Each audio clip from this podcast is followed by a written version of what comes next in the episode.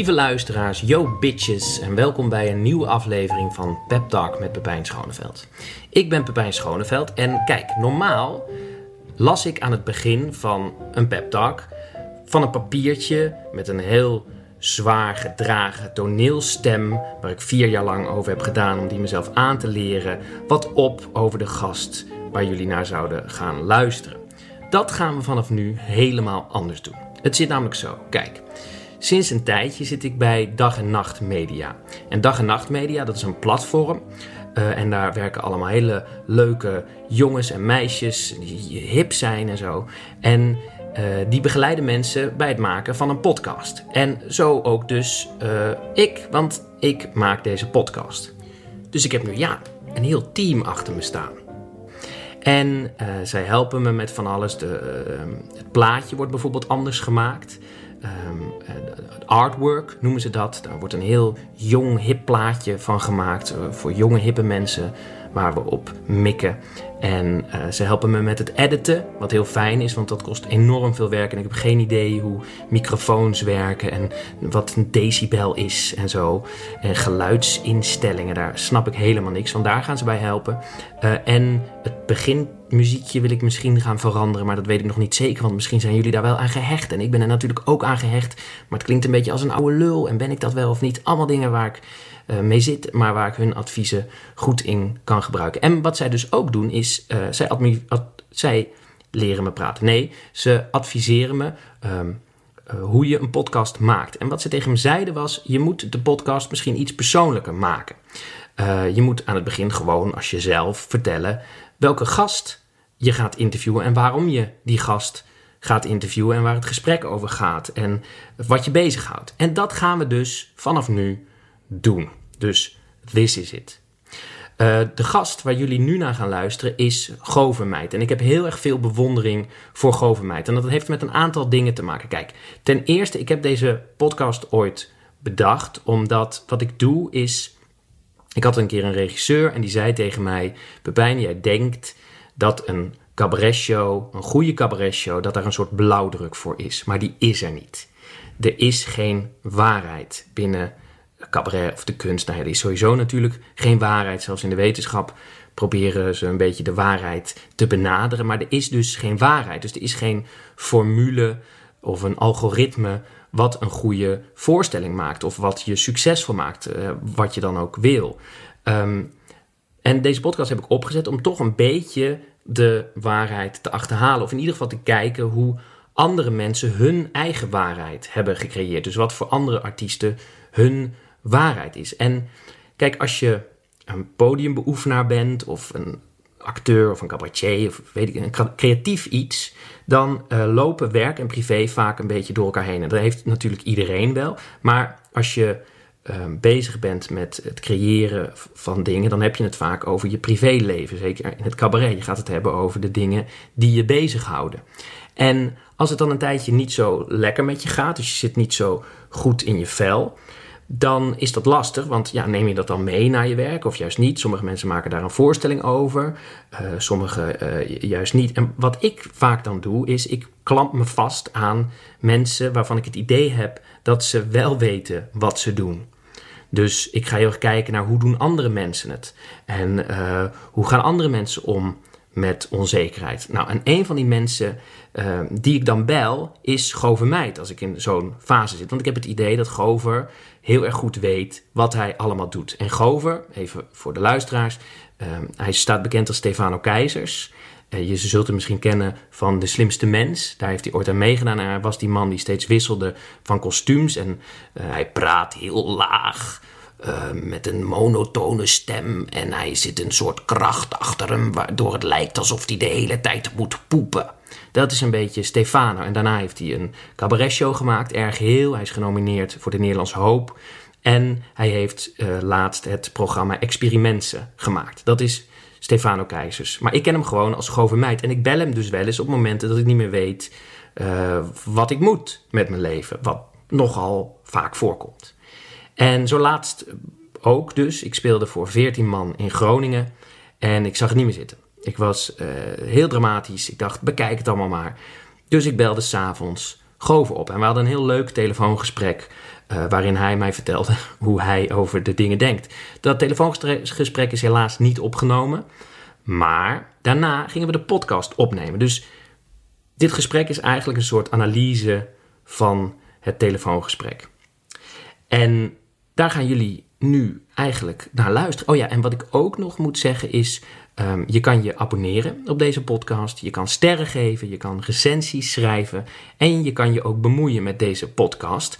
Uh, dus vind je het intro muziekje bijvoorbeeld wel heel erg leuk of uh, wil je van mijn volgende gast Peter Pannenkoek iets weten, dan kan je me mailen. En dat kan je doen door naar www.pepijnschoneveld.nl te gaan en daar het contactformulier in te vullen. En dan kan ik je negeren. En tot slot moet ik ook nog even zeggen dat deze podcast een prijs kan winnen, namelijk de BNR Dutch Podcast Award. En um, het zou heel erg fijn zijn als je ons of mij of deze podcast hiervoor zou willen nomineren. En dat kan door naar www.podcastawards.nl te gaan. En daar kan je bij podcast peptalk invullen. En bij de URL vul je in www.pepijnschoneveld.nl slash podcast. En dan worden we misschien genomineerd en winnen we misschien een prijs. Dus als je deze podcast leuk vindt, zouden we, ik en de podcast zelf het heel erg leuk vinden als je ons zou willen nomineren. Lieve luisteraars, bitches, jullie gaan nu luisteren naar mijn gesprek met Gove Meid, also known as Stefano Keizers, entertainer en winnaar van de slimste mens, zoals hij zichzelf altijd noemt. En ik hoop met dit gesprek een beetje dichter bij de waarheid te komen.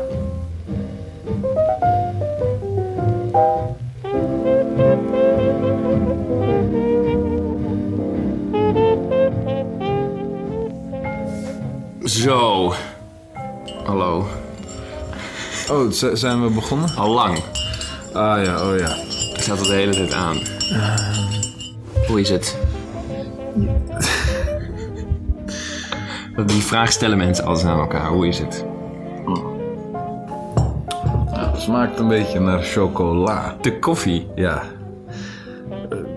Op een, op een goede manier. Hij komt uit Argentinië. Ja. Ja, waar, waar moeten we beginnen? Nou, kijk, Eh, ja. ik had een. ehm, dat was wel interessant. Ik had een, eh, eh, een iemand die verstand heeft van podcasts, had heel veel kritiek op mijn podcast. Iedereen heeft altijd heel veel kritiek op jou in het algemeen, lijkt Wat is wel. dat? Waarom komt dat? Ja, dat vind jij lekker. Nee, laatst zei iemand, Ja. Tom van Kalmthout van Roentfunk zei dat komt omdat mensen niet bang voor je zijn. Daardoor denken ze dat ze heel veel commentaar op je kunnen leven, leveren. Nou, dat is toch zo'n compliment. Ja, is dat zo, ja? Ik weet niet of ik dat zo'n compliment vind. Ik heb liever dat mensen bang voor me zijn. Nou ja, volgens mij geven mensen altijd commentaar. Je moet daarom gewoon proberen om niet in de buurt van mensen te komen. Zo min mogelijk met mensen omgaan. Ja, of gewoon zorgen dat ze geen tijd hebben om jou een commentaar te geven.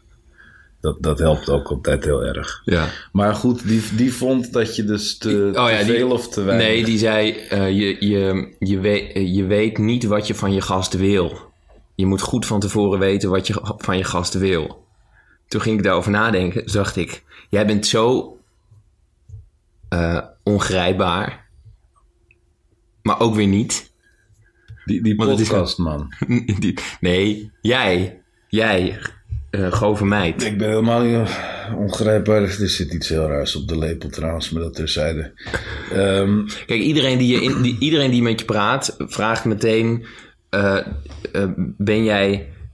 Volgens mij zeggen ze altijd: Ben je nu Stefano of ben je Gover? Dat stellen Ja. mensen altijd. Ja. Dat vinden mensen interessant. En eh, is het allemaal waar wat je in de slimste mens vertelde? Dat is volgens mij de meeste vragen. Dat is de meeste vragen die je krijgt, toch? ja, die en waarom heb je een tok aan? Waar- Vragen mensen ook heel erg vaak aan. me. Ja. Eh, Die nee, vraag ja, heb, ik, ja. heb je al honderd keer beantwoord. Dus daar, eh, dat interesseert me niet zo. Nee, maar ik denk ook dat ehm, als er iemand is aan wie ik mezelf wel heel vaak heel duidelijk heb uitgelegd, ben jij het. Oh ja? Kijk, dat maakt deze podcast ook gewoon zo ingewikkeld. Want eh, ja, we hebben echt al meerdere keren betere versies van deze podcast eh, opgenomen Ja. natuurlijk. En het wordt nu lastig voor me om tot dergelijke belerende wijsheden te komen in deze geforceerde tijd. Waar ik dus eh, in het verleden in spontaniteit Mij. eh, ja, je echt heel veel nuttige dingen hebt verteld. ja. Omdat, kijk, er zijn, dat heb ik heel, zo ervaren ik Maar, het leven heel ja. erg. Wat, ja? Nou, tegelijkertijd zei ik had je laatst weer aan de telefoon. En toen zei je... Oh, die man trouwens, die zei ook dat het te veel je oude jongens krentenbrood was. Dus daar moeten we ook voor oppassen, volgens de criticaster. Dus ik Ja. moet je behandelen als een gast. Maar, ehm eh, wat wil ik nou zeggen? Oh ja, dat je laatst ook aan de telefoon zei... had je allemaal adviezen weergegeven. Toen zei je... Maar volgende keer zeg ik waarschijnlijk weer totaal iets anders. Ja, dat is dus weer een voorbeeld van een behoorlijk goede grap. Die ik ad rem uit mijn mouw. Maar dat was een grap. Ja, maar in elk grapje schuilt een kern van waarheid. Ja. Dus kijk, het, het was gewoon een grap, omdat... eh, ik, kijk, wat ik er grappig aan vond, was... Het was heel laat s'nachts dat je me belde, Ja. geloof ik. Of laat s'avonds in elk geval. Ik had volgens mij echt ruim drie kwartier wijsheden eh, tegen je aangeschreeuwd. Ja. En je was net op het punt gekomen dat je in, in elk geval weer een soort duidelijkheid had over het telefoongesprek. En je ging ophangen met het idee van oké, ja, ik, ik snap nu welke richting hij wil dat ik opga of zo. En dan heb ik er gewoon heel veel lol in om dan vlak voordat je gaat ophangen die hele wereld weer op zijn kop te zetten. Ja. Want uiteindelijk heb je daar het meeste aan natuurlijk. Ja. Want kijk, ik, ik vind het hartstikke leuk om jou eh laat s'avonds te vertellen hoe ik vind dat het leven in elkaar zit. Maar ik wil absoluut alles op alles zetten en voorkomen. Dat je geen goeroe wordt. Nou, het gaat me. Kijk, het zou levensgevaarlijk zijn als jij ook echt ehm, psychische besluiten gaat maken om wat ik om één uur s'nachts eh, tegen je aanbrabbel. Daar wil ik gewoon niet verantwoordelijk voor Nee, gehouden nee, worden. nee. Het, eh, kijk, los van dat ik oprecht denk dat ik een betere therapeut ben dan de 16 anderen die jij waarschijnlijk duizenden euro's per maand betaalt. Maar ik wil niet verantwoordelijk worden gehouden eh, voor dat soort dingen. Want mocht je dat inderdaad alles wat ik zeg te letterlijk nemen en daarin doorslaan, ja, dan, dan heb ik het weer gedaan. En ehm, dat gaat dan ook weer ten koste van de vrijheid die je kan nemen in een gesprek. Als Ja. je echt gaat denken dat je er iets mee eh, gaat doen, ja, dan, dan, dan kan ik niet meer zo freewheelen. Dan Ja, ga ik ja. veel te veel opletten op wat ik zeg. Zo, zoals ook nu natuurlijk in, eh, in dit gesprek. Ik veel meer oplet op wat ik zeg dan eh, als je me gewoon had gebeld. Ja. Dus ik hoopte de vorige keer dat je dat, je dat zou opnemen. Maar Nee, dat hebben we Eh. helaas niet opgenomen. Nee, en, Maar- dit, en dit zeg ik ook alleen maar omdat ik het dus ook heerlijk vind om jou kritiek te geven of zoiets. Ja, wat is dat? Waarom is dat? Dat heb je net al uitgelegd. Omdat je niet bang voor me Ja. bent. Oh ja, en dat wilde ik ook nog zeggen. Dat, volgens mij gaat het er helemaal niet om wat je wil van je gast. Het gaat erom dat je weet wat je luisteraars willen. Oh ja. En, en of misschien eh, dat je weet eh, wie je luisteraars zijn of wie je wil dat je luisteraars zijn. Ehm, dat is volgens mij veel belangrijker. Want uiteindelijk moet de gast iets gaan zeggen wat de luisteraars willen horen. Oh ja. En wat dat betreft kan ik hier dus, dat hoor je ook aan de toon van mijn stem, toch wel meer vrij uit praten dan normaal liter. Om, In een interview. Ja. Waarom? Ik denk, denk niet dat iemand hier naar gaat luisteren. Eh, Clowntje Peppy. Laten we daar eh, ja, wel realistisch Het wordt best goed beluisterd hoor. Echt? Ja. Eh, hebben mensen echt helemaal niets meer te doen? Iedereen is natuurlijk aan het joggen. Iedereen is aan het joggen of Dat tijdens het koken. Maar wat ik denk is dat mensen het wel leuk vinden om... Nou, en dat is in jouw geval wel, wel tricky, omdat jij zoveel interviews doet. Zet de spruitjes wat zachter. Is gewoon voor het geval Ja, dat... inderdaad. Stop met hardlopen. Nou ja. Wie loopt Nee, er ga hard? nu squats doen. Ja, nu vier squats. Vier squats en vier wokes. En jumping jacks. En lits. Ehm, eh, eh, wat wou ik nou zeggen? Dat het wel ehm, bij jou lastig is, omdat jij natuurlijk eh, heel veel interviews geeft. Dat heel veel mensen natuurlijk al weten wie jij bent. Maar, maar dat is toch grappig, dat aan de ene kant denk ik dat heel veel mensen niet weten wie jij bent. Ja. Als ze jou zien. Eh, dat ze denken, wat is dit voor een rare, wat is dit voor een rare gast? Eh, maar aan de andere kant geef je heel veel interviews die heel helder zijn. Waarin je heel duidelijk vertelt hoe je denkt.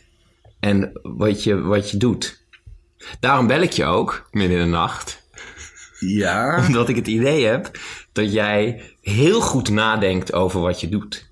En Ja. heel, want ik, de laatste keer dat ik je belde was omdat ik aan je vroeg, volgens mij, hoe maak jij keuzes? En eh, eh, hoe, hoe, wat zijn jouw doelen?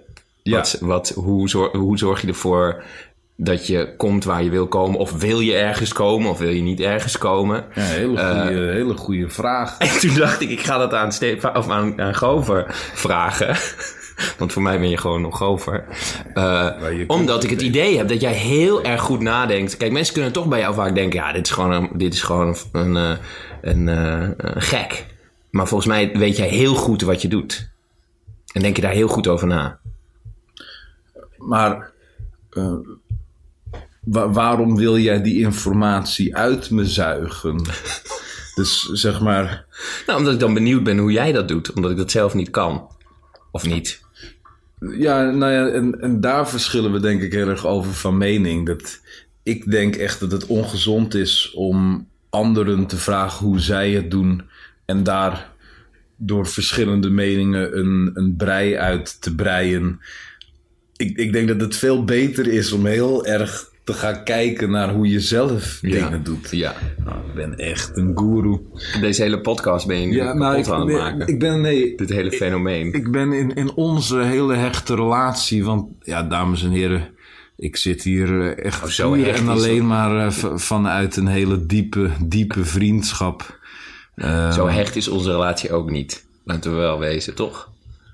Je belt me laat s'nachts om het over je eigen problemen te hebben. Hoeveel hechter kan een relatie zijn? Ja, dat, eh, Dat is waar.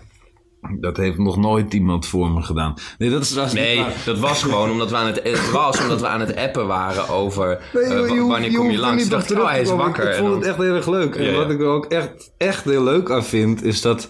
eh, ja, dat, eh, dat bedoel ik eh, gewoon zo letterlijk als dat het is.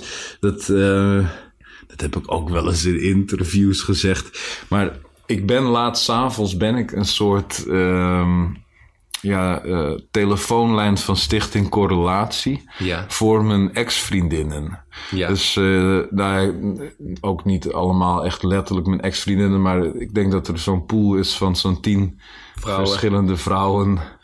ehm, ehm, waar, ja, waar of ik eh, romantische belangen eh, bij, bij heb of had, of, Ja. of andersom of zoiets.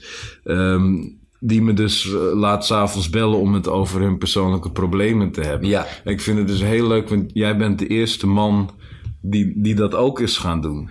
En dat, dat zegt veel over jou en over mij. Ja. Ik vind het, eh, nee, ik vind het heel erg leuk. En het, eh, kijk, die groep is ook spontaan ontstaan. Het is niet dat ik dat ooit echt in het leven heb geroepen. Nee, maar nee.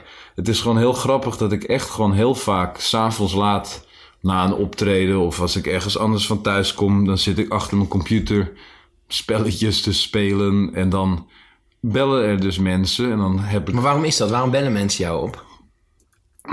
ja, Los van dat je jezelf een goeroe vindt. Maar waarom er is dus iets, maar er is dus iets Ja. waarom mensen denken...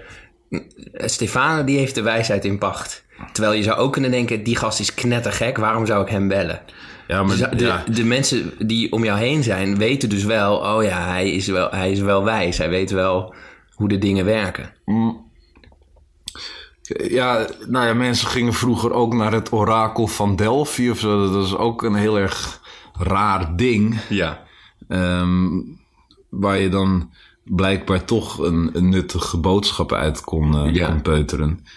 Ehm, ja, hoe ga ik er nu weer Terugkomen op een, het- een dusdanig relativerende zin aan vastplakken om weer te Nee, verdoezelen dat nee. ik mezelf vergelijk met het orakel van Delphi. Nou ja, maar wat wel Nee, maar er is dus iets waarom mensen jou bellen. Ja, maar kijk, om- dat orakel van Delphi, die kan er zelf ook niks aan doen. Nee. Die, die krijgt gewoon weirde dingen Ja. binnen en dat, dat kraamt eh, dat orakel uit. Volgens mij is, was het ook gewoon een soort afgehakt hoofd of zoiets. Ja, ja. Hoewel, misschien ben ik nu mythes door elkaar aan het eh, husselen, maar dat is het ook heel erg. Dat, ehm, ja, ik, ik moet ook zeggen dat door over dat soort dingen te praten worden dingen me helder. En wat, wat, wat ik heel interessant vind is dat doordat ik dus nu, ja, denk ik, nou ja, echt al een jaar of zes of zoiets, dit dus heel regelmatig doe. Ik heb bijna elke avond wel met iemand een therapeutisch gesprek over heel erg dat soort onderwerpen. Dus carrière of Ja. doelen of geluk en Ja, liefde, ja, dat soort ja, dingen. Ja, ja,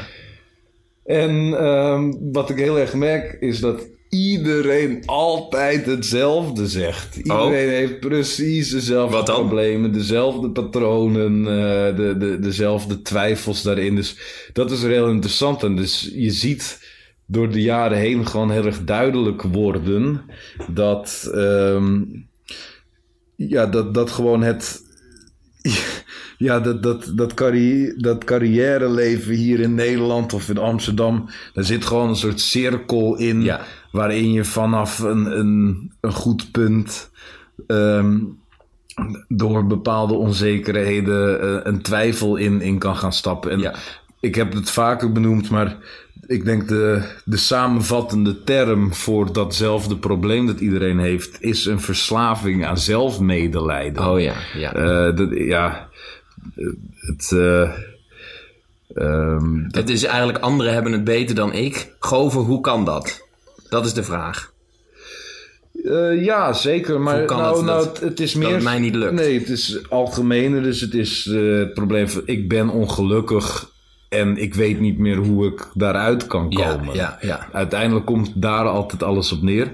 Ehm, en wat hetzelfde erin is, is wat mij betreft, is het patroon dat, ja, dat mensen toch ergens ook een positief of een lekker gevoel leren putten uit dat ongeluk. Ja. Omdat dat ook een manier is om bij de groep te mogen horen tegenwoordig. En dat is iets wat ik inderdaad heel erg herken. Iedereen heeft recht op zijn eigen. Iedereen heeft, heeft recht op. Ik leid ook. Ik ben ook aan het lijden. Ja, kijk, we, hebben, we zijn dus over het algemeen allemaal heel erg op zoek naar aandacht, denk Ja, ik. En ja. als je ziet dat iemand het zwaar heeft, dan krijgt die persoon een bepaalde aandacht. En als je zelf heel lang geen aandacht hebt gekregen, dan ga je vanzelf slecht voelen. Dus dan, dan bewerkstelligt dat elkaar eventueel. Maar het, het is ook. Ehm, het, het, ongeluk in je leven is hier in Amsterdam heel erg manier geworden om aan de buitenwereld te bewijzen dat je echte struggles hebt en dat je dus een heldhaftig mens bent omdat je omleert gaan met iets heel zwaars. Ja. Dus als het, de, de grootste zonde is hier dat je het makkelijker hebt dan, een een ander. Dus we ja. zijn allemaal de hele tijd aan elkaar aan het bewijzen dat we het minstens net zo moeilijk hebben. Maar is dat een, is dat, je zou ook kunnen zeggen dat juist door, eh, door hoe, wij ons, hoe wij ons laten zien aan de wereld, dus door sociale media, eh, daar is juist, kijk eens hoe gelukkig ik ben. Zou dit een tegenbeweging zijn daarvan? Of is het gewoon ook iets artistieks? Kijk eens hoe moeilijk ik het heb. Nee, het is zeker niet alleen iets artistieks. Ik denk wel dat in de artistieke wereld worden deze dingen, denk ik wel, extra versterkt. Ja. Omdat je eh, continu geconfronteerd wordt met, met een mening van iemand. Ja. Eh, en je bent eh, voortdurend, zoals Nou, op zoek naar bevestiging. eh, ja, inderdaad. En, en je, je moet jezelf elke dag opnieuw weer bewijzen. Ja, ja, ja, ja. ja. Dat, dat is er heel vermoeiend aan. Ja. Ehm, maar d- dat heeft ook zo zijn leuke kanten. Maar ik, ja, ik spreek ook veel mensen die niet per se artiest zijn. Ik denk, ik, ja, ho- hoewel, ja, misschien heeft het wel te maken met ook... Ik, ik, ik denk dat je pas echt ehm, zorgen kunt maken om een carrière... wanneer je bepaalde ambities hebt. Ja. Dus ik denk wel dat de mensen die, die vast komen te zitten in de patronen waar jij en ik het over hebben, of die we zelf ook meemaken, Ja. of mee hebben gemaakt, dat zijn wel allemaal dingen die, die te maken hebben met de behoefte om, om nuttig te zijn of jezelf achter te willen laten. Dus als je dat soort dingen echt niet hebt, als het je echt geen fuck kan schelen wat je doet met je leven. Eh, dan zul je denk ik in andere existentiële crises terechtkomen, maar niet in, in deze. Ja. Eh, dus ik denk wel dat de mensen die mij laat s'avonds bellen... over het algemeen mensen zijn die dus inderdaad een hele felle ambitie hebben... maar ook een zekere onzekerheid. Ja, ja, ja. En is het niet zo dat ze jou bellen omdat ze het idee hebben dat jij eh, hier allemaal niet mee bezig bent? Dat jij, dat jij voor al die mensen een soort voorbeeld bent van deze eh, man, tenminste dat is hoe ik het zie, dat is waarom ik je dan eh, bel.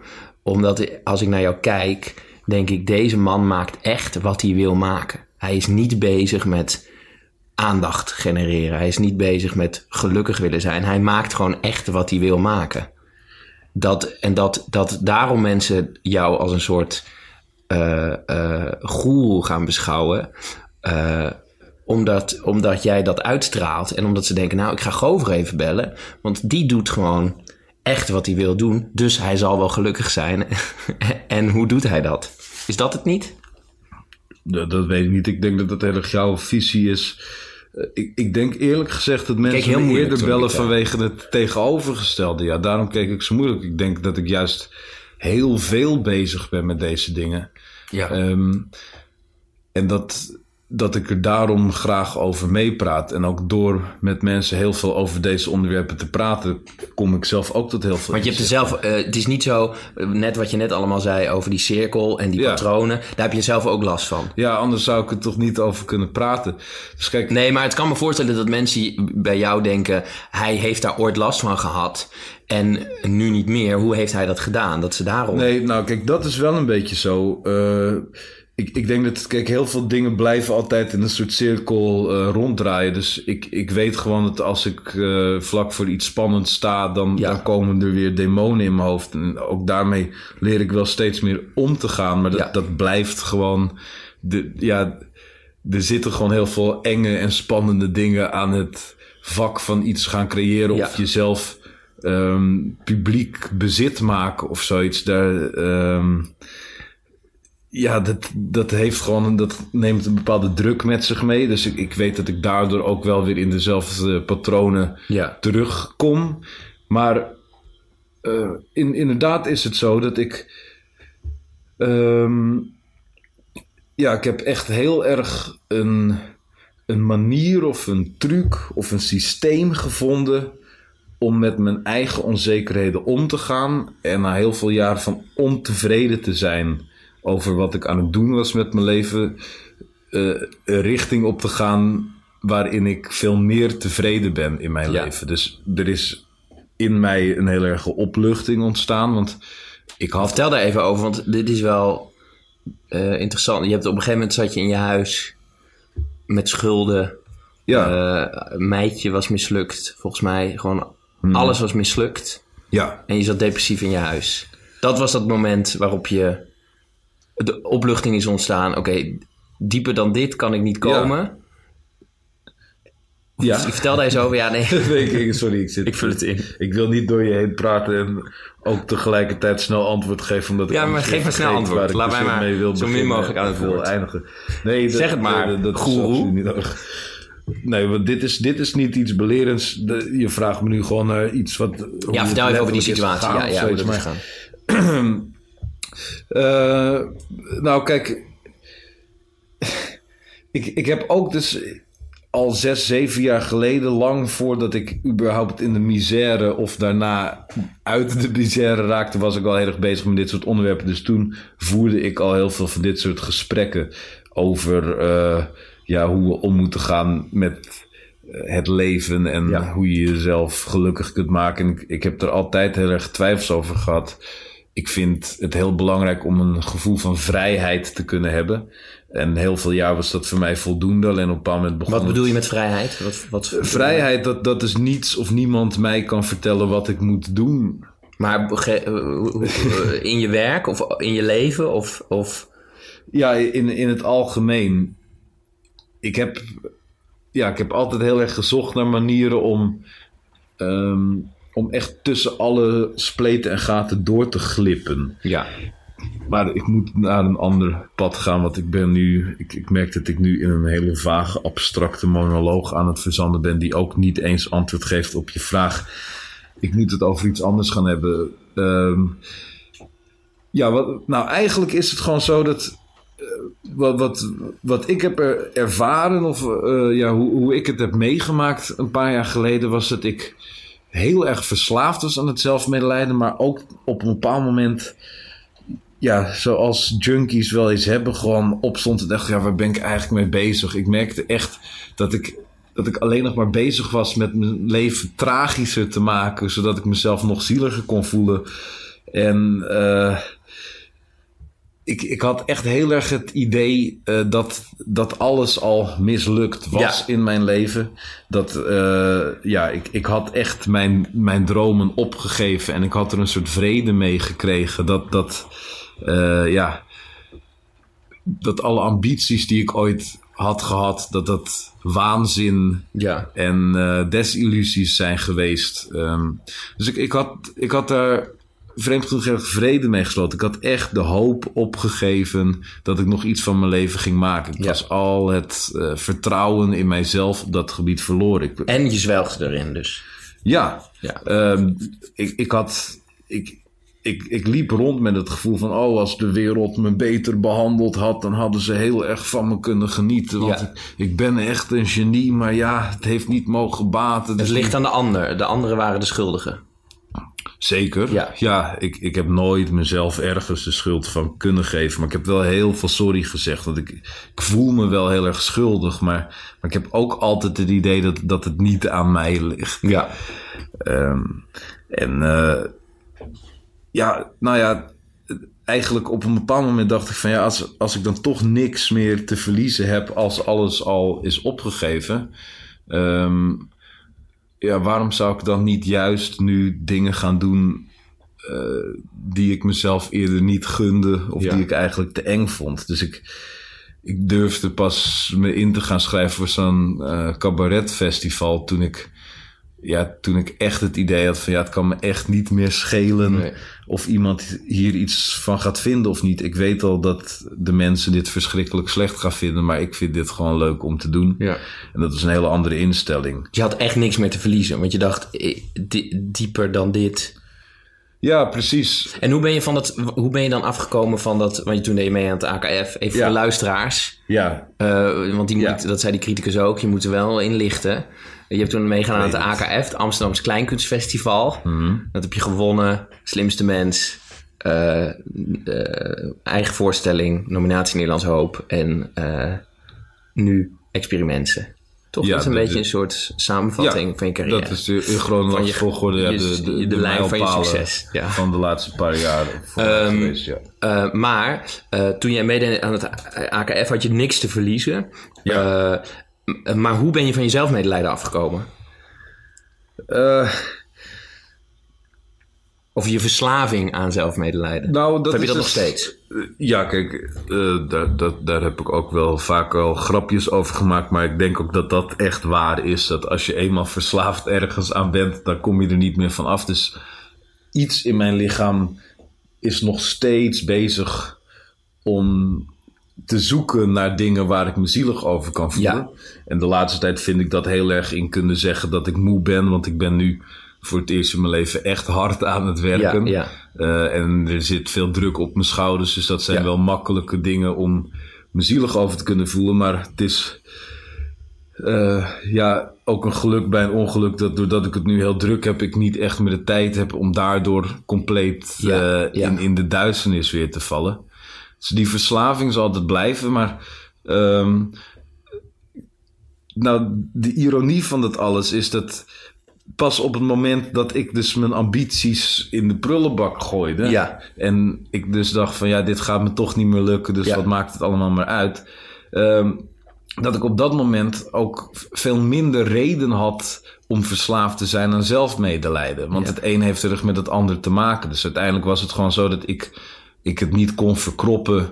Dat ik niet het, het lef had om echt zelf op een podium te gaan staan. Of eh, mezelf iets serieuzer te gaan nemen. En mensen om me heen te gaan zoeken om mijn podiumact te verbeteren. En ook omdat ik wel wist dat ik op een podium wilde staan. Maar ik ben ook daarin dus heel veel kanten op gegaan. En een hele lange tijd lang ehm, wist ik vrij zeker dat ik absoluut geen cabaret meer wilde doen. Maar Ja. ik wist ook niet wat ik dan wel wilde doen. Ja, ja.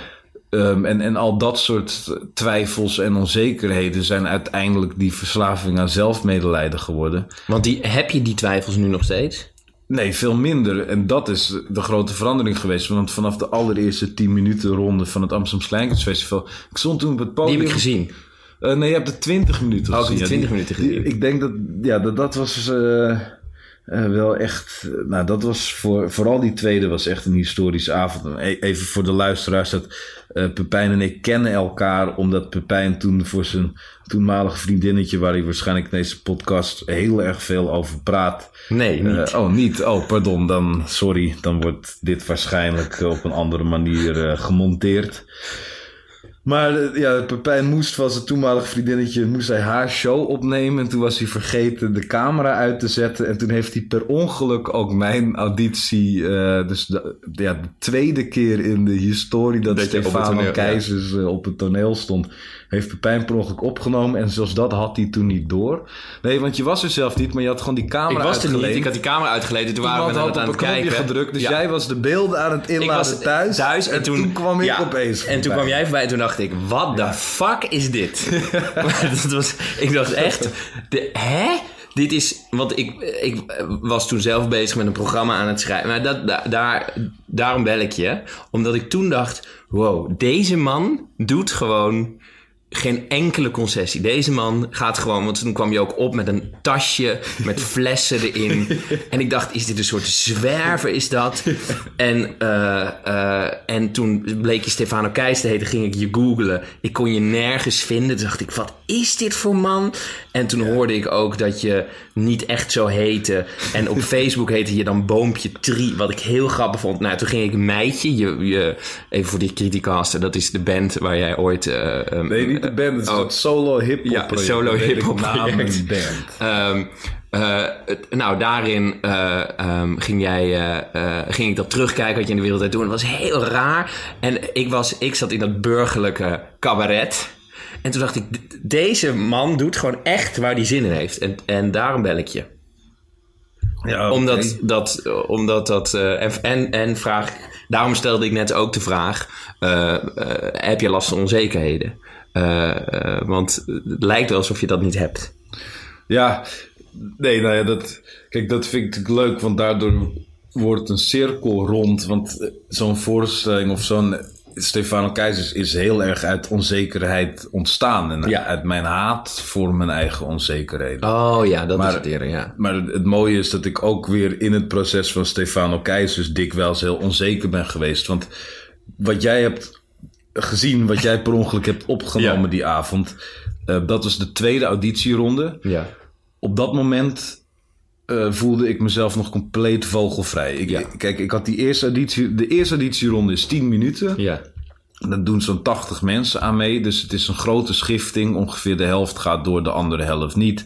Eh, maar dat, ik, ik wist wel van vroeger, van ervaring, want ik kende het Kleinkunstfestival wel redelijk. Ik had er op mijn vijftiende ook een keer twee rondes aan meegedaan, Oh ja. samen met een, een vriend van me.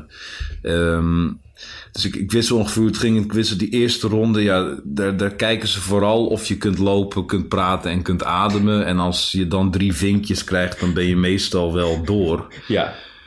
Dus dat, dat was voor mij ook wel een lollige avond. En die 10 minuten auditie, dus die eerste ronde, was wel de avond waarop ik zelf merkte van... hey shit, ik vind het echt nog wel leuk om op het podium te staan. Ja. Maar daarvoor had ik me echt totaal niet voorbereid. Dat was echt gewoon complete bizarriteit. Ik heb gewoon En, toen, eh, een en beetje- ben je het, maar even kijken, over, als je het dan over doelen hebt, hè, ben, je, ben je het, kijk, ben je het gaan doen omdat je dacht, hier heb ik zin in, of had je een, had je een doel? Of, eh, of ehm, Ah, dit, ja. is waar we, dit is eigenlijk de samenvatting van het gesprek wat we laatst hadden aan de telefoon. Dat ik vroeg, heb jij een doel?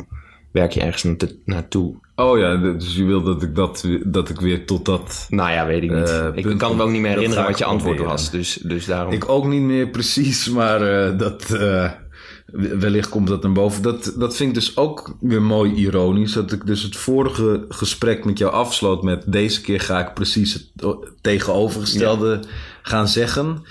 Ehm, nee, dus ik bedoel dat in dat telefoongesprek zei ik... de volgende keer ga ik het tegenovergestelde zeggen van wat ik nu heb gezegd. En nu...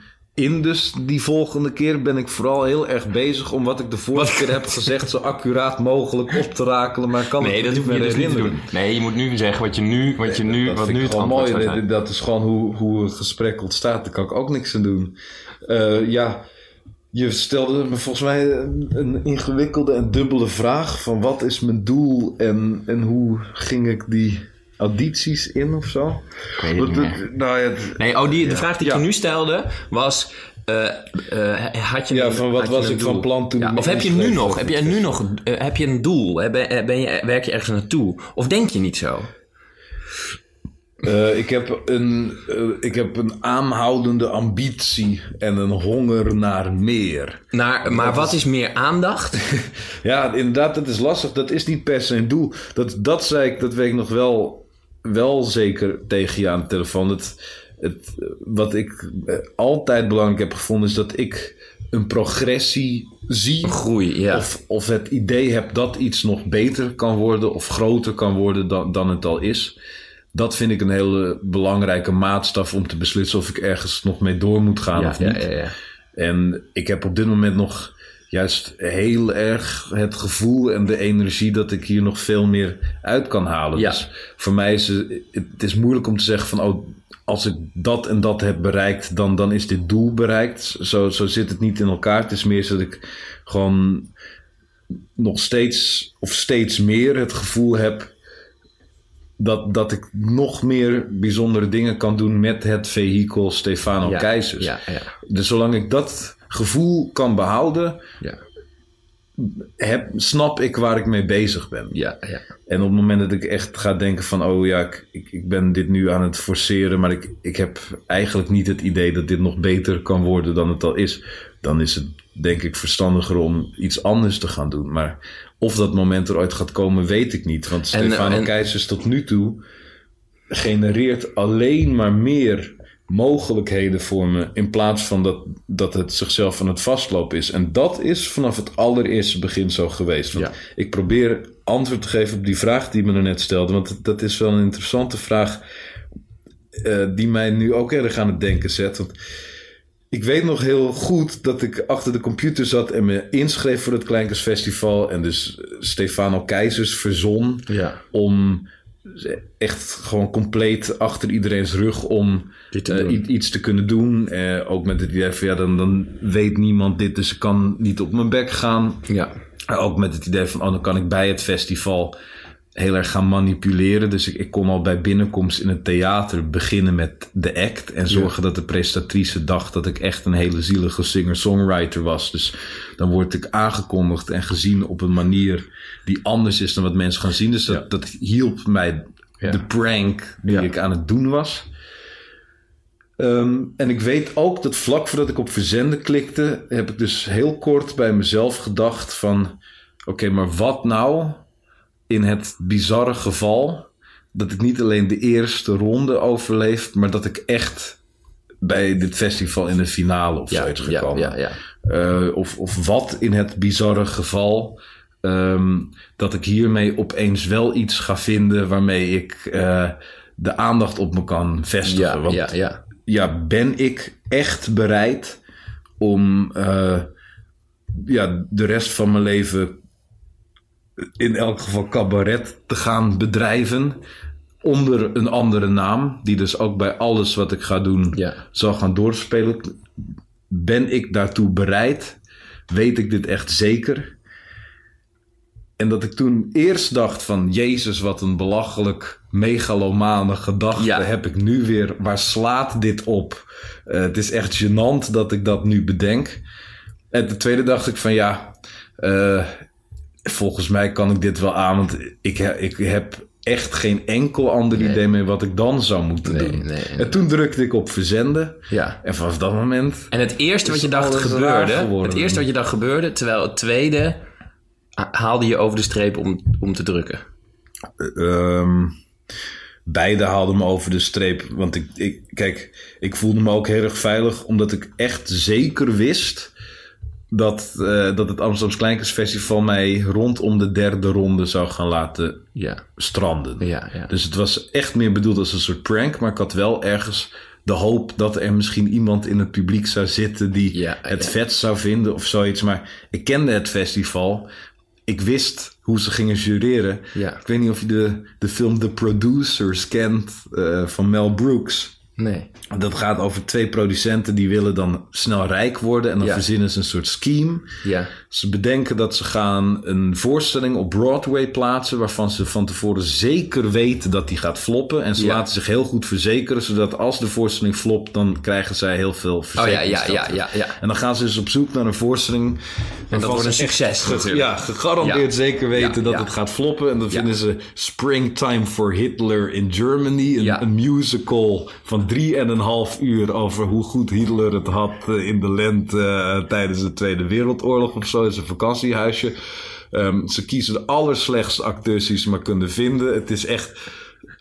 Alles wijst erop dat ze rijk gaan worden. Ja, ja. En dan, omdat het zo compleet idioot is, die voorstelling, wordt het inderdaad een groot succes en gaan zij dus eh, failliet. Maar het is dus niet zo. Het is niet zo dat je. Stel je voor je doel is succes. Eh, dat je dan denkt: oh, maar dan ga ik er niet mee bezig zijn. Want dan ga ik alsnog succes halen. Snap je? Het is, het, het is hetzelfde als dat. eh, eh, mensen zeggen, nou, je, vindt de liefde op het moment dat je er niet mee bezig bent. Nou ja, en ik heb heel veel vrienden die dan zeggen, ja, maar dan ga ik er dus niet mee bezig zijn om als doel te hebben uiteindelijk toch Ja. de liefde vinden. Dus dan, dan dus, Nou dan ben je er dus alsnog mee ja, bezig. maar jij was er dus. Het is, was niet zo dat je dacht: ik ga er niet mee bezig zijn, zodat ik uiteindelijk toch verder kom dan de derde ronde. Snap je wat ik bedoel? Eh, nee, ik denk echt dat wat mijn redding is geweest, dat ik voor het eerst in mijn leven ehm, het echt gewoon puur deed om lol te trappen. Ja. Wat de meest concrete manier om te zeggen is dat ik op elk ander moment voordat ik mij inschreef, bang was geweest voor wat de jury had gezegd. Ik had me daar iets van aangetrokken. Oh ja, ja, ja. Dus ook al had ik van tevoren geweten dat de jury een heel ander soort smaak had dan ik. Ja, ja. Als ze niet hadden gewaardeerd wat ik had gedaan, dan, dan was dat een, een klap voor me geweest. Of Ja, dat ja, dat zijn die dingen altijd geweest. En ik heb slechte ervaringen gehad met juries. Ik heb eh, met diezelfde vriend, Sam van Gol, hij is nu een briljant wiskundige geworden. Ehm, met hem was ik als tiener heel erg aan de cabaretweg aan het timmeren. Toen, toen was ik daar heel erg serieus in. En toen hebben we, denk ik, toen we 16 jaar oud waren of 17 jaar oud, zoiets zijn we meegenomen aan het Leids Cabaret Festival. ja. Toen kwamen we ook twee rondes door. En toen achter de schermen vond men ons heel erg grappig. Dus wij gingen onszelf ook briljant voelen. En toen zijn we in de tweede of in de derde ronde of zoiets in de Leidse Schouwburg compleet afgebrand door de jury. Ja. Maar ook echt eh, op een, zeg maar, ehm, goede manier. Dus het publiek was het heel erg met de jury eens. Ja, ja. Ehm, we werden gewoon echt uitgekleed die avond. ja. En vanaf dat moment, ja, dat heeft me toch ergens beschadigd, denk ik. Dus Ja. ik, ik was echt bang geworden voor eh, zo'n soort situatie. Ja. En dat is denk ik een, een van de belangrijke redenen waarom ik ehm, ja, de, de tien jaar of de eh, twaalf jaar daarna dacht, ik ga het cabaret niet meer in, want Ja, ze ja, snappen me toch niet. Ja, ja. En toen ik mee ging doen met het Amsterdams Kleinkunstfestival, toen had ik nog steeds het idee dat de jury eenzelfde soort rapport over mij zou gaan schrijven. Na het zien van mijn act. Ja. Maar dat, dat ik daar eerder bijna een gevoel van trots eh, bij kreeg dan, dan dat ik me daar eh, zorgen om maakte. Ja. Ik, ik dacht echt van ja, ik- eigenlijk wil ik juist iets maken wat gewoon die jury compleet eh upset. Ja. Ehm, maar waar het publiek hopelijk wel heel hard om moet lachen. Omdat Ja. ik, ik ga... Kijk, ik heb, me, ik, ik heb me toen niet voorbereid. Ook dat stukje dat jij hebt gezien... heb ik gewoon een beetje Ja. raar geïmproviseerd. En ik had wat pranks bedacht ja. of zo. Dat is denk ik de beste manier om te kunnen zeggen.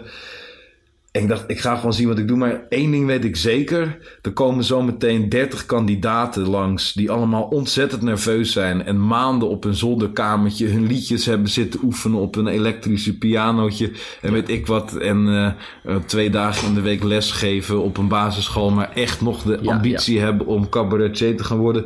Dus het publiek gaat alleen maar van dat soort acts zien.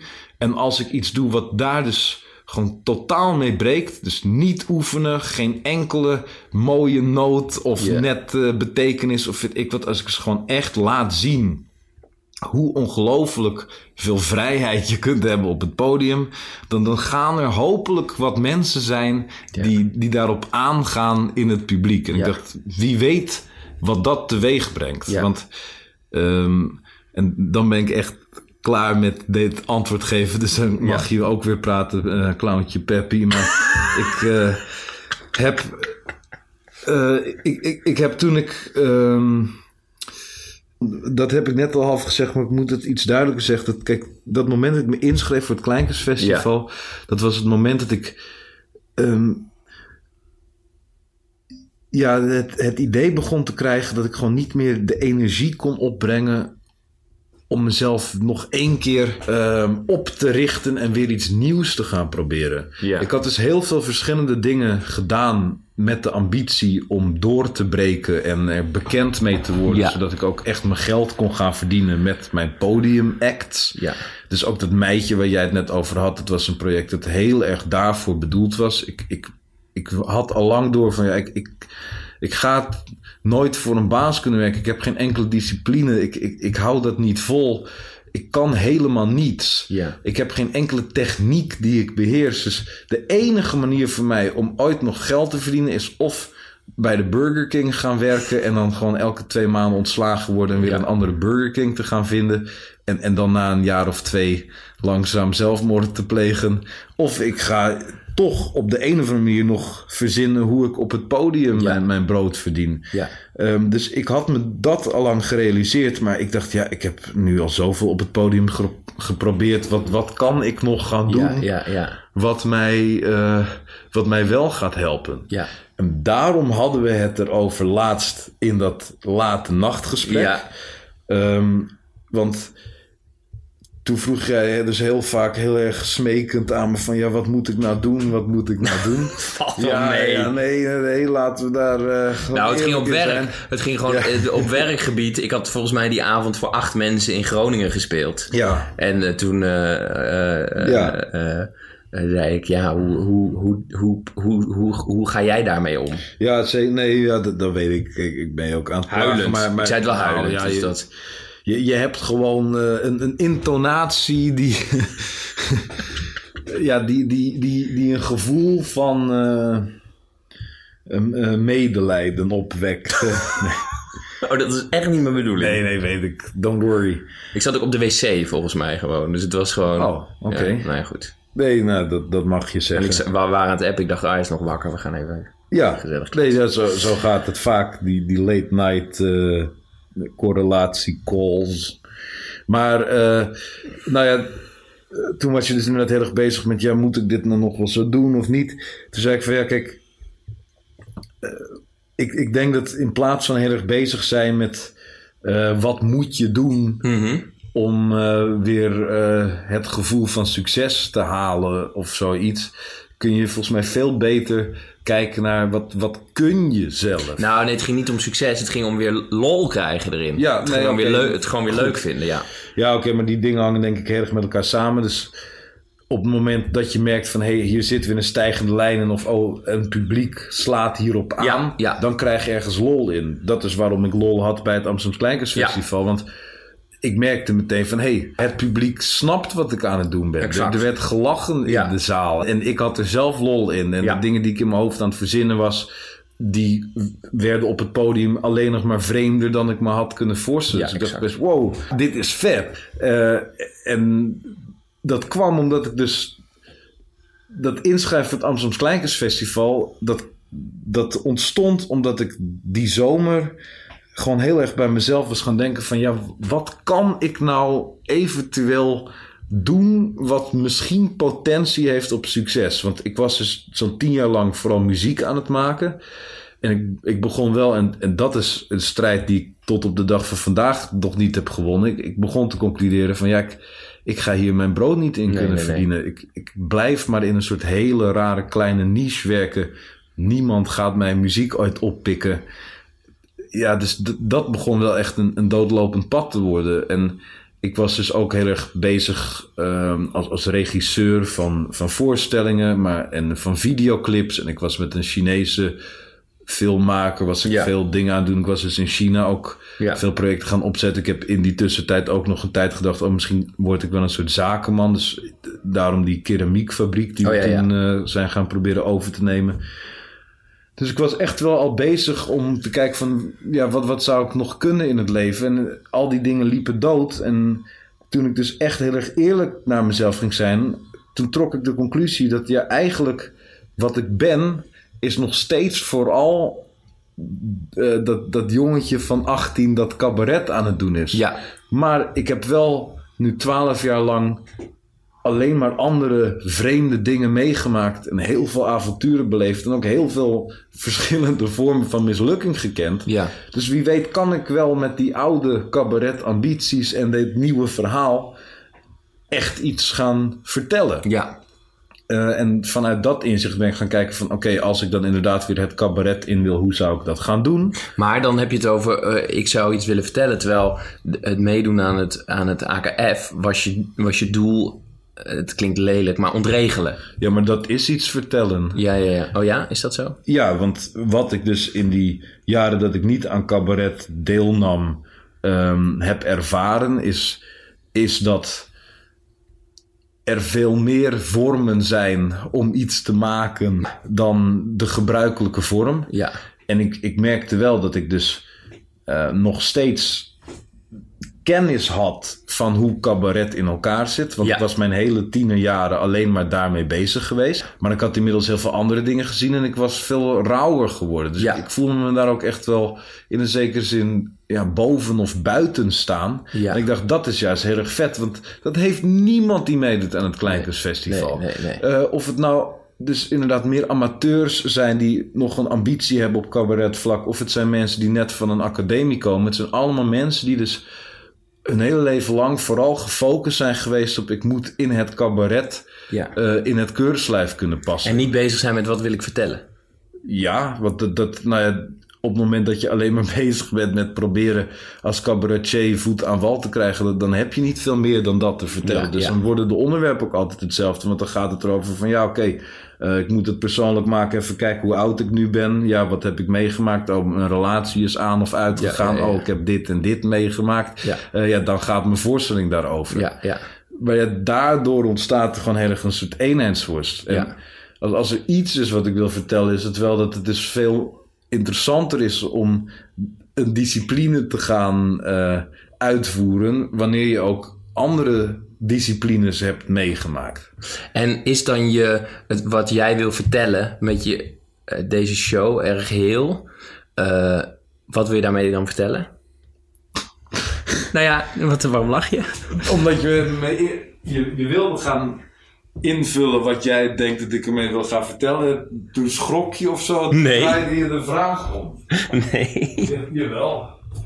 Nee, ik, nee ik, ik merkte dat terwijl ik de vraag stelde, dacht ik ga dit helemaal niet in kunnen vullen.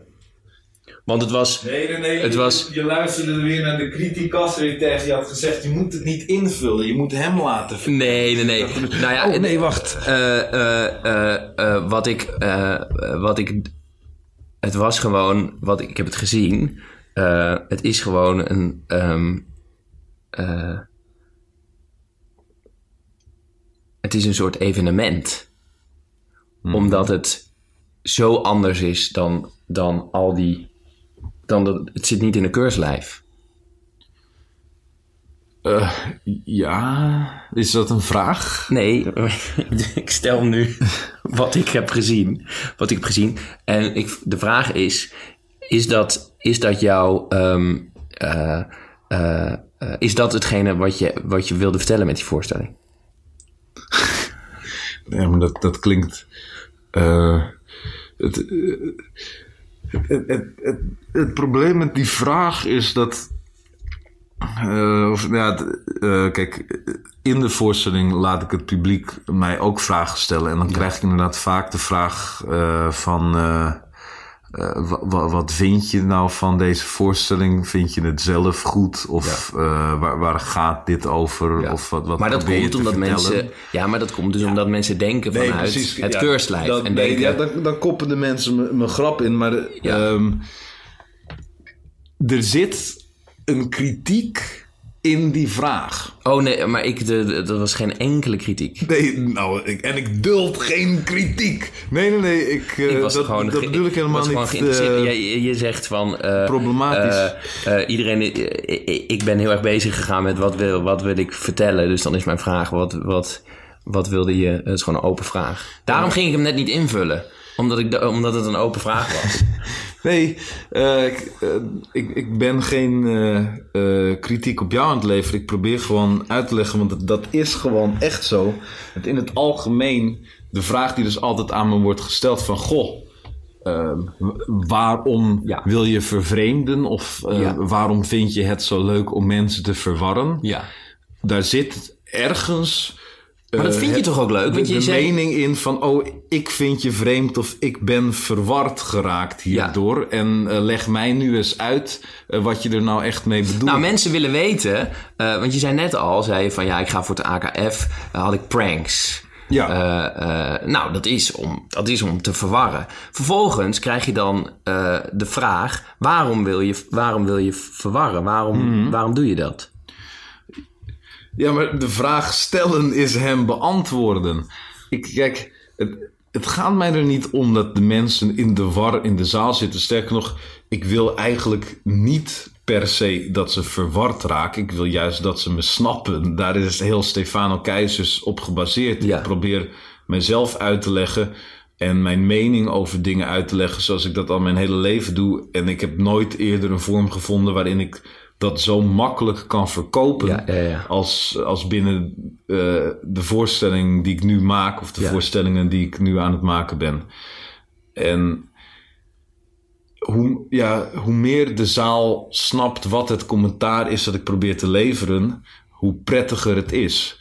Dus de laatste tijd komen er wat meer jongeren naar de voorstelling. En dat is heel erg fijn spelen. Ja. Want die snappen heel veel van de subtiele hints. ja. En veel jongeren krijgen bij de voorstelling de slappe lach... Vanwege de bejaarden die ook in de zaal zitten... en zich geen En raad hints, mee weten met de voorstelling. Maar die jongeren kunnen dus op de een of andere manier wel aan jou uitleggen... wat ze er grappig aan vinden. Dus kijk, dat is het ding dat... ik wil niet... eh, mijn doel is niet het verwarren van de mensen. Mijn doel is om inderdaad de, de mensen die cynisch zijn over het theater. ehm, nou ja, een gevoel van herkenbaarheid te kunnen geven. En te kunnen laten zien van ja. Ik, ik heb datzelfde cynisme. En ik ben ondertussen heel erg bezig om te kijken van ja, hoe kunnen we dat oplossen? Hoe, Ja. hoe kunnen we wel het cabaret in stand houden? Want Ja, ik ja, vind het een hele belangrijke kunstvorm. En tegelijkertijd eh, ja, zie ik het zichzelf soms bijna kapot draaien. Doordat ja. het zo formularisch is geworden. Ja. En doordat zeker ook die festivals allemaal puur en alleen maar draaien op de nieuwe lichting van de drie, vier academies in Nederland. En dat heeft weer tot gevolg dat je dus ook maar drie of vier verschillende stijlen hebt die uitgevoerd worden. Ehm, en ik, ik denk dat dat uiteindelijk ehm, ja, zo'n discipline helemaal kapot maakt. Want dan wordt het bijna zoals klompen dragen of, een, eh, of in Volendam in ouderwetse kleding lopen. Dat je gaat een avond naar het cabaret om iets te zien Wat- wat, wat al in een verleden- keurslijf is. Ja, dus Ja. het is eigenlijk de, de Nederlandse flamenco aan ja. het worden. Of En stel je voor, je lost dat probleem op. Wat zou je dan gaan maken? Wat? Stel je voor. Je, Ja, dat- dat- stel je voor, het commentaar op, op het keurslijf eh, is door jouw voorstelling weg. Nee, Oh, of het dat- keurslijf dat- is- Het is niet een probleem dat ooit opgelost gaat worden. Nee, nee, Het, is, het is een discipline die, eh, die altijd in Ja. beweging is. Zoals elke kunstdiscipline altijd in Ja, beweging maar je, wat je maakt is dus een reactie op dat Ja, keurslijf. ik ben gewoon En- een, een mens in, in de tijdlijn eh, Ja. van de mensheid. En op dit toevallige moment was, was ik oud genoeg en eh, ehm, objectief genoeg om te kunnen vinden van... hé, hey, ik vind het op dit moment... eh, ja, het, het cabaret... eh, ja, echt ehm, het publiek is gaan pleasen Ja, in ja. plaats van andersom. Eh, maar dat is, ja, ik, ik denk dat dat ook heel erg logisch is op het moment dat er op dit moment heel veel ehm, experimenteel cabaret was gemaakt. Of op het moment dat er nu juist hele spannende dingen in het theater aan het gebeuren zouden zijn. Dan had ik veel minder snel de behoefte gekregen om Stefano Keizers te gaan verzinnen. Ja, ja, ja. ja. Of ik had de behoefte gekregen om iets te doen wat juist het, het wel weer netjes in een keurenslijf bracht. Ah, maar ja. daarmee bedoel ik gewoon dat alles is altijd actie en reactie. Stel bij wijze van spreken dat nu ehm, de komende jaren bij het Kleinkunstfestival steeds meer mensen een soort Stefano Keizersachtige act zouden gaan doen. Eh, en stel dat dat elk jaar door de jury geprezen zou gaan worden, want eh, die denkt dat dat nu de manier is om eh, verder te gaan. Dan zou er op een bepaald moment iemand opstaan die zich daar heel erg aan gaat irriteren en gaat denken van ja, maar nu Ik is ga- de jury ik ga naast de piano staan en, eh, ja. Ja, eh, en dan, inderdaad, dan gaat er iemand eh, waarschijnlijk weer provoceren met iets heel erg netjes te maken. Zo blijft het altijd in gang gaan. En het was gewoon toevallig zo dat ik net genoeg in die cabaretwereld heb gezeten in mijn leven om, om nog een soort irritatie te Ah, voelen. ja. En dus op een bepaald En moment. daarom dacht je, het is, daarom ging je inschrijven, omdat je dacht: hé, hey, ik, ik ben nu op een punt dat ik en niks meer te verliezen heb, eh, klaar ben met mezelf, medelijden. En ik merk dat al die avonturen die ik mee heb, die ik beleefd heb, Mhm. in me heb. En dat jongetje van 18 wat gewoon cabaret wil maken. En toen ben je dus, Ja, dus Oh, ik dacht eh, misschien, eh, misschien deze- is dat wel echt een combinatie ja, waar ik wat mee kan. ja. Want ik merk, misschien heb ik daar wel. Daar, heb je daarom ook het AKF uitgekozen, omdat het Amsterdamse Kleinkunstfestival wel echt een festival is wat vaak de geëikte... Ja, eh, dat vond ik eh, de meest geëikte, de meest stoffige. Dus dat leek Ja. me het beste. Ja. Dat ook een praktisch voordeel, want die zijn de enige die voorrondes in Amsterdam hebben. Oh ja. Dus ik hoefde maar 10 minuten te fietsen. Dus dat, dat was ook wel prettig. Eh, en ja, voor de rest. ehm, ja, kijk. Is, even een andere, totaal andere vraag. Experimenten, wat je nu doet, Ja. wat, heel, wat, heel, wat ik echt heel erg goed vind. Is dat ook weer zoiets? Is dat een... Wat voor iets. ook, ook Zit hier ook weer... Nee, nee, weer nee, eh, niet zo doen, niet zo doen. niet zo doen. Wat ik wou zeggen was, eh, is, is dat ook een, ehm, eh, een reactie op de geëikte formats in Nederland? Ja, maar niet met eenzelfde soort eh, haat eh, geboren als dat Stefano Keizers Nee. is. Want inmiddels kan ik ook veel dingen wat makkelijker eh, relativeren. Ja. Het is, ehm, ik, het is, ik heb heel veel respect voor bestaande formats. Ja. Zowel in het cabaret als in de televisie. Ja, ja. Ehm, Ik denk dat Want je bent ook nog steeds het jongetje van 18, wat dat ja, zeker. En ik, ik zie het vakmanschap in beide ook heel erg zitten. En ik geloof ook dat gewoon zo simpel en toegankelijk mogelijk entertainment uiteindelijk heel belangrijk is. Dus ook dat is iets wat, wat ik uiteindelijk graag wil maken. Ja. Alleen ik probeer het misschien op een andere manier te doen. Ehm, maar in, in experimenten is, is dat meer gewoon doordat ik alles mocht opperen wat ik maar wilde. En gewoon lol mocht beleven. ehm, is er ook een soort commentaar ontstaan. Want Ja. Experimenten voelt voor mij heel erg als een soort programma dat alles wat ik in mijn jeugd heb moeten kijken of wilde kijken eh, samen kan brengen. Dus ik mocht voor het eerst in mijn leven zelf aan de knoppen zitten en Ja. zelf een televisieprogramma eh, echt maken. En ja, daardoor doordat ze mij daar uiteindelijk een complete artistieke vrijheid in hebben gegeven, eh, is het iets geworden wat ja, overeenkomt met Stefano Keizers. Ja. Om, omdat ik heel erg ben gaan kijken naar dingen die ik leuk vind om te maken. En met de. eh, kijk, in het programma gaan er veel dingen mis. Zo is het bijvoorbeeld zo dat de, in de allereerste opname.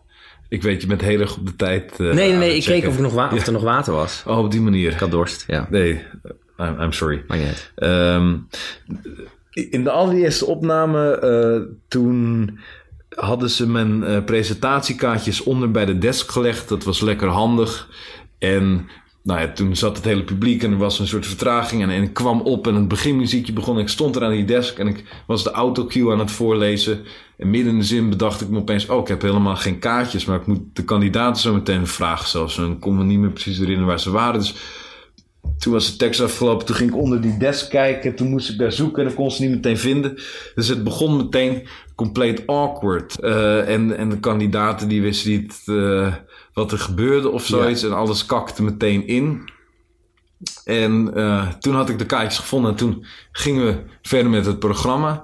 Toen merkte ik van, oh, maar eigenlijk werkt dit heel erg leuk. Want ik heb ze meteen aan het begin, Ja. is de focus anders geworden. Ja, ja. Want het gaat niet zoals ze gewend zijn dat het gaat. En dat is fijn. Dus toen heb ik dat bij alle opnames steeds weer eh, herhaald. Ja, ja, ja. Datzelfde principe. Dus eh, het begint en je denkt, oké, nu gaat de vaart erin komen. Op dat moment zit er een soort stop in. En er zijn heel veel van dat soort dingen ontstaan tijdens de opnames en tijdens het bedenken en schrijven van het programma. En dat zijn dingen die ik meer dus doe om omdat ze mij aan het lachen maken en omdat ik weet van oké, daarmee heb ik eh, de kandidaat of de kijker in de juiste concentratie gekregen of in de juiste focus om ze weer een andere grap Ja, te laten ja, ervaren. ja. Dus het, het ontstaat veel meer uit een spontaan plezier dan dat ik van tevoren aan de schrijftafel bezig ben geweest met oké, hoe kan ik nou de mensen zoveel mogelijk in de war gaan brengen? Maar je brengt, eh, ja, ja oké, ik snap wat de Je brengt mensen natuurlijk in de, in de war op het moment dat mensen iets verwachten. En jij gaat daar tegen in. Dan breng je mensen in de war. Ja. Dus ze verwachten een, een format. Eh, net als dat als mensen naar je cabaretshow gaan, verwachten ze een cabaretshow. Ja. En, en jij vindt het leuk om daar tegen in te gaan. Om, om, om de lol, daarom doe je pranks bij het AKF. En daarom toch? Of Ja, en omdat zit, is deze samenvatting te... Nee, nee, nee. Dat, eh, dat, dat is denk ik een, een van de, de twee onderdelen ervan. Kijk, hoe meer ik mensen in de war kan brengen, hoe meer ik dus zelf controle heb op hoe zij opletten eh, in de situatie. Dus het is ook een manier om iemand eh, beter na te laten denken over wat ik aan het zeggen ben. Ah, ja, ja, ja. Dus ook in zo'n programma, en eh, daarom vind ik tv heel interessant om te maken, omdat alles bij tv gaat over aandachtspannen. Dus alles moet heel natuurlijk voelen, maar iedereen is de hele tijd bezig met gaat het publiek afhaken of niet. Ja, dus er moet ja. de hele tijd een soort trigger zijn om verder te willen blijven kijken. En ik denk dat hoe meer je het idee hebt als kijker van ja, het, het- er kan zo meteen weer iets geks gaan gebeuren, hoe meer dat prettig blijft om, eh, om te volgen. Maar dan moet er dus af en toe wel iets geks gebeuren. Of er moet af en toe even in het ritme iets veranderen. Ja. Omdat je anders die hoop niet meer eh, Ja, hebt. ja. Eh, dus ik denk dat het juist ook een hele goede manier is om, om ja, de aandacht op het verhaal gevestigd te krijgen. Ja. Ja. Ehm, ben je gelukkig? Die vraag krijg ik ook vaak. Eh, Waarom? Maar ja, om, ja, dan zit je als. Nou, misschien- eh, ik- ik interviewer stel hem in ieder geval- Je computer s'avonds later, dan moet je gaan bedenken, ja, wat, wat moet je nou. Nee, ik zat gewoon. Nee, maar ik, omdat ik na zat te denken over wat je eerder vertelde over dat je toen eh, dacht: ik heb niks meer te verliezen. Je zei namelijk laatst tegen mij: als je het allemaal voor elkaar hebt, heb, ben je ook chantabel. Dus mensen die alles voor elkaar hebben, Ja. eh, die, waar alle, waar, waarbij alles lekker loopt, zijn chantabel. Eh, ehm, de, op het moment dat jij in je eh, diepste dal zat, was je niet chantabel. En, en ging je meedoen aan het, aan het AKF. Nou, daar hebben we het over gehad. Nu ben je, ben je chantabel, want je hebt dingen voor elkaar. Ja, nou ja, kijk, het is inderdaad, het, het is het principe van, van een kale kip kun je niet splukken. Eh, dus als je helemaal niets hebt, kan ook niemand jou iets afpakken. Dus ben je eigenlijk in een prettige positie. Ehm, zeker als je risico wil gaan lopen. Maar al vanaf de derde ronde van het Amsterdams Kleinkunstfestival is dat gevoel van niets te verliezen hebben eh, vervangen door een gevoel van oh, ik moet nu echt mijn best gaan doen. Ja, ja, ja. Want in die derde ronde begon ik echt eh, te realiseren dat ik er zin in had en dat ik hier verder mee wilde. Ehm, en tegelijkertijd dacht ik, oh ja, maar ik heb nu een probleem. Want ik zit nu dus in een heel erg braaf festival met een hele extreme act. En nu wil ik nog verder komen ook. Oh Dus ja. dat was een heel rare Haalde ervaring. zichzelf in, ja. Ja, en dat is sindsdien alleen maar meer geworden. Dus ik heb, ik heb nu inderdaad wel weer veel te verliezen. En tegelijkertijd heb ik nog steeds net als toen ik me inschreef voor het Kleinkunstfestival, wel een bepaalde relativering over me heen gekregen. Dus ik ben nog steeds niet bang voor de jury. Maar ja, tegelijkertijd dat is, uh, kijk, als ik iets maak, ben ik niet bang voor de jury. Maar als ik in de coulissen sta en weet dat iemand uh, de voorstelling zo dadelijk gaat recenseren. en dat dat de verkoop van de komende anderhalf jaar kan maken of breken. dan ben ik wel degelijk heel bang voor die recensent. Alleen ik ben er in hetgeen wat ik maak niet, meer, meer, mee bezig. Nee, nee, nee, dat is fijn. Want je, je bent ook niet bang om te mislukken omdat je al een keer mislukt bent? Of?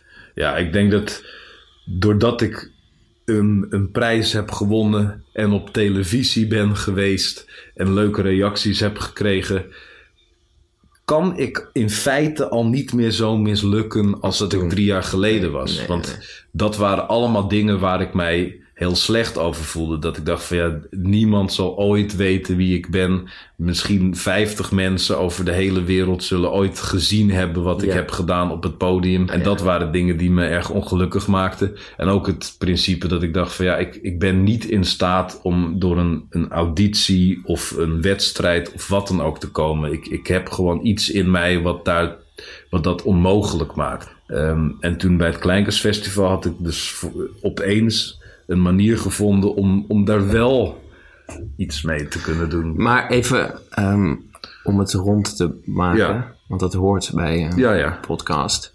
Um, is dat niet waarom mensen jou bellen?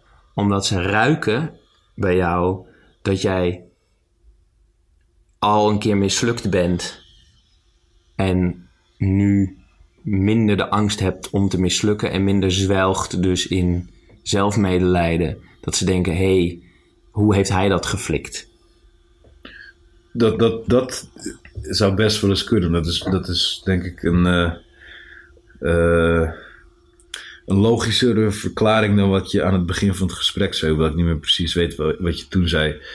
Uh, en tegelijkertijd denk ik dat er zijn mensen die inderdaad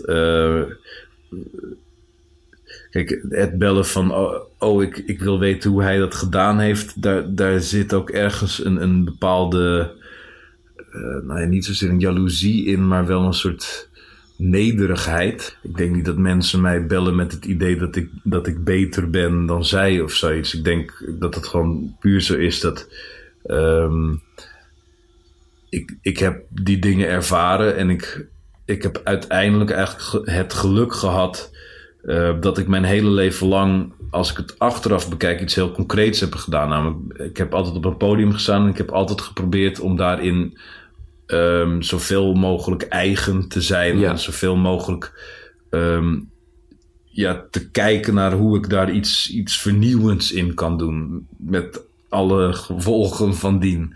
Want kijk, oh ja, nee, dat wilde ik ook al dit hele gesprek zeggen. Ik kan me alleen niet meer herinneren hoe vaak ik dit al in interviews heb gezegd. Misschien wel nooit, misschien 50 keer. Dat weet ik niet. Dat weet ik echt niet meer. Want ik, in mijn privéleven of in die late nacht telefoongesprekken haal ik dit vaak aan. Dat uh, was een bijzonder moment. Dat was afgelopen zomer.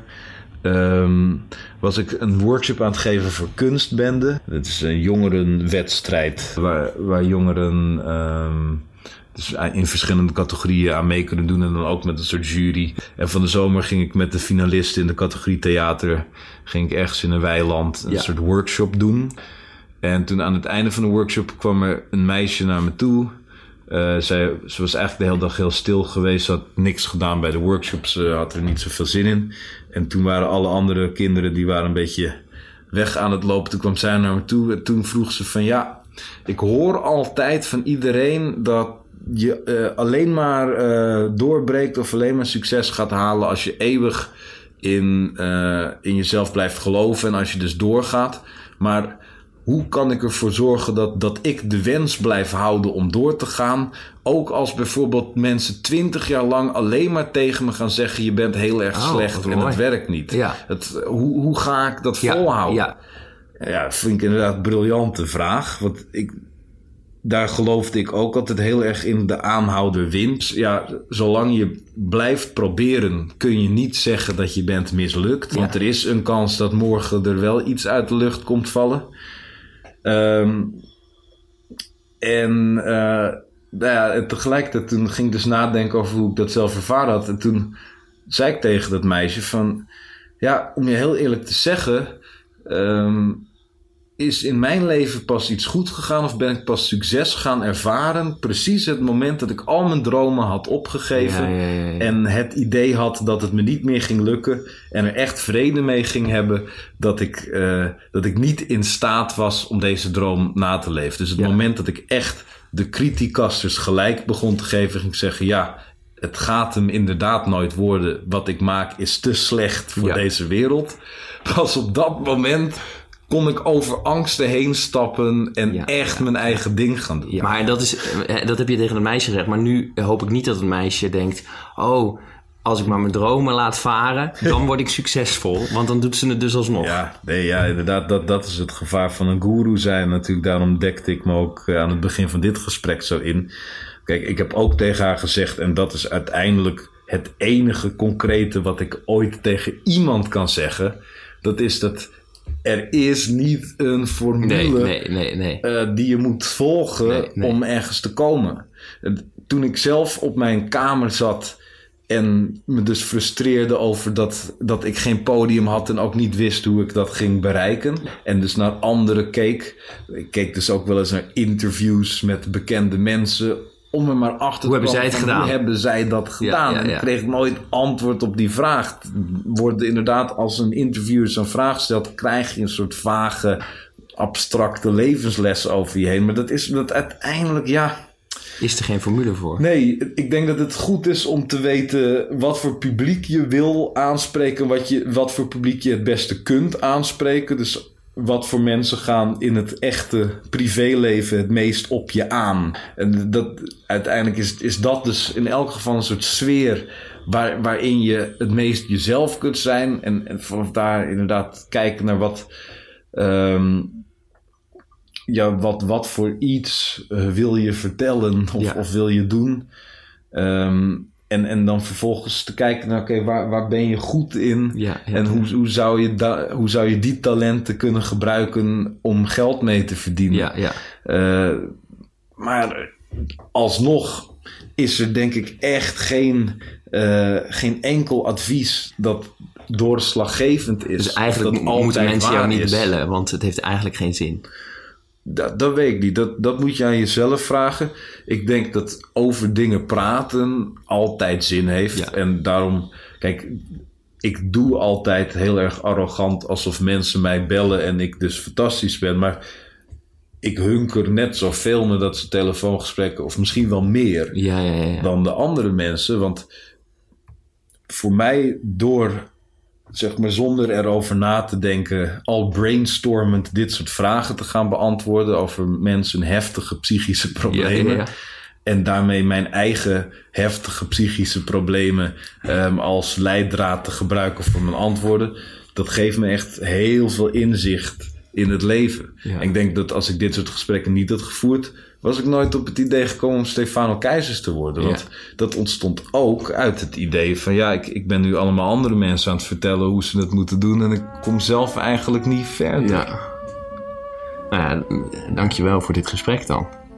Ben je, even nog, ben je wel gelukkig? Oh, Dat was mijn vraag. ja, nou. mm, daar, ja, ik geef altijd hetzelfde antwoord. Het is het echte antwoord dat. Eh, ik ben nu gelukkiger dan ooit. Maar dat zeg je altijd. Ja. Oké, dankjewel.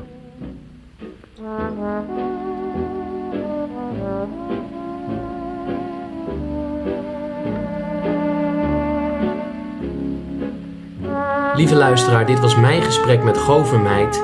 Mijn volgende gast is Peter Pannenkoek. En rest mij nog om te zeggen dat je je eh, kan abonneren op deze podcast. Je kan sterren geven, je kan recensies schrijven. En je kan een mailtje sturen. En dat doe je door naar www.pepijnschoneveld.nl te gaan en het contactformulier in te vullen. Volg me op Insta, Facebook en hopelijk tot de volgende keer. Daag!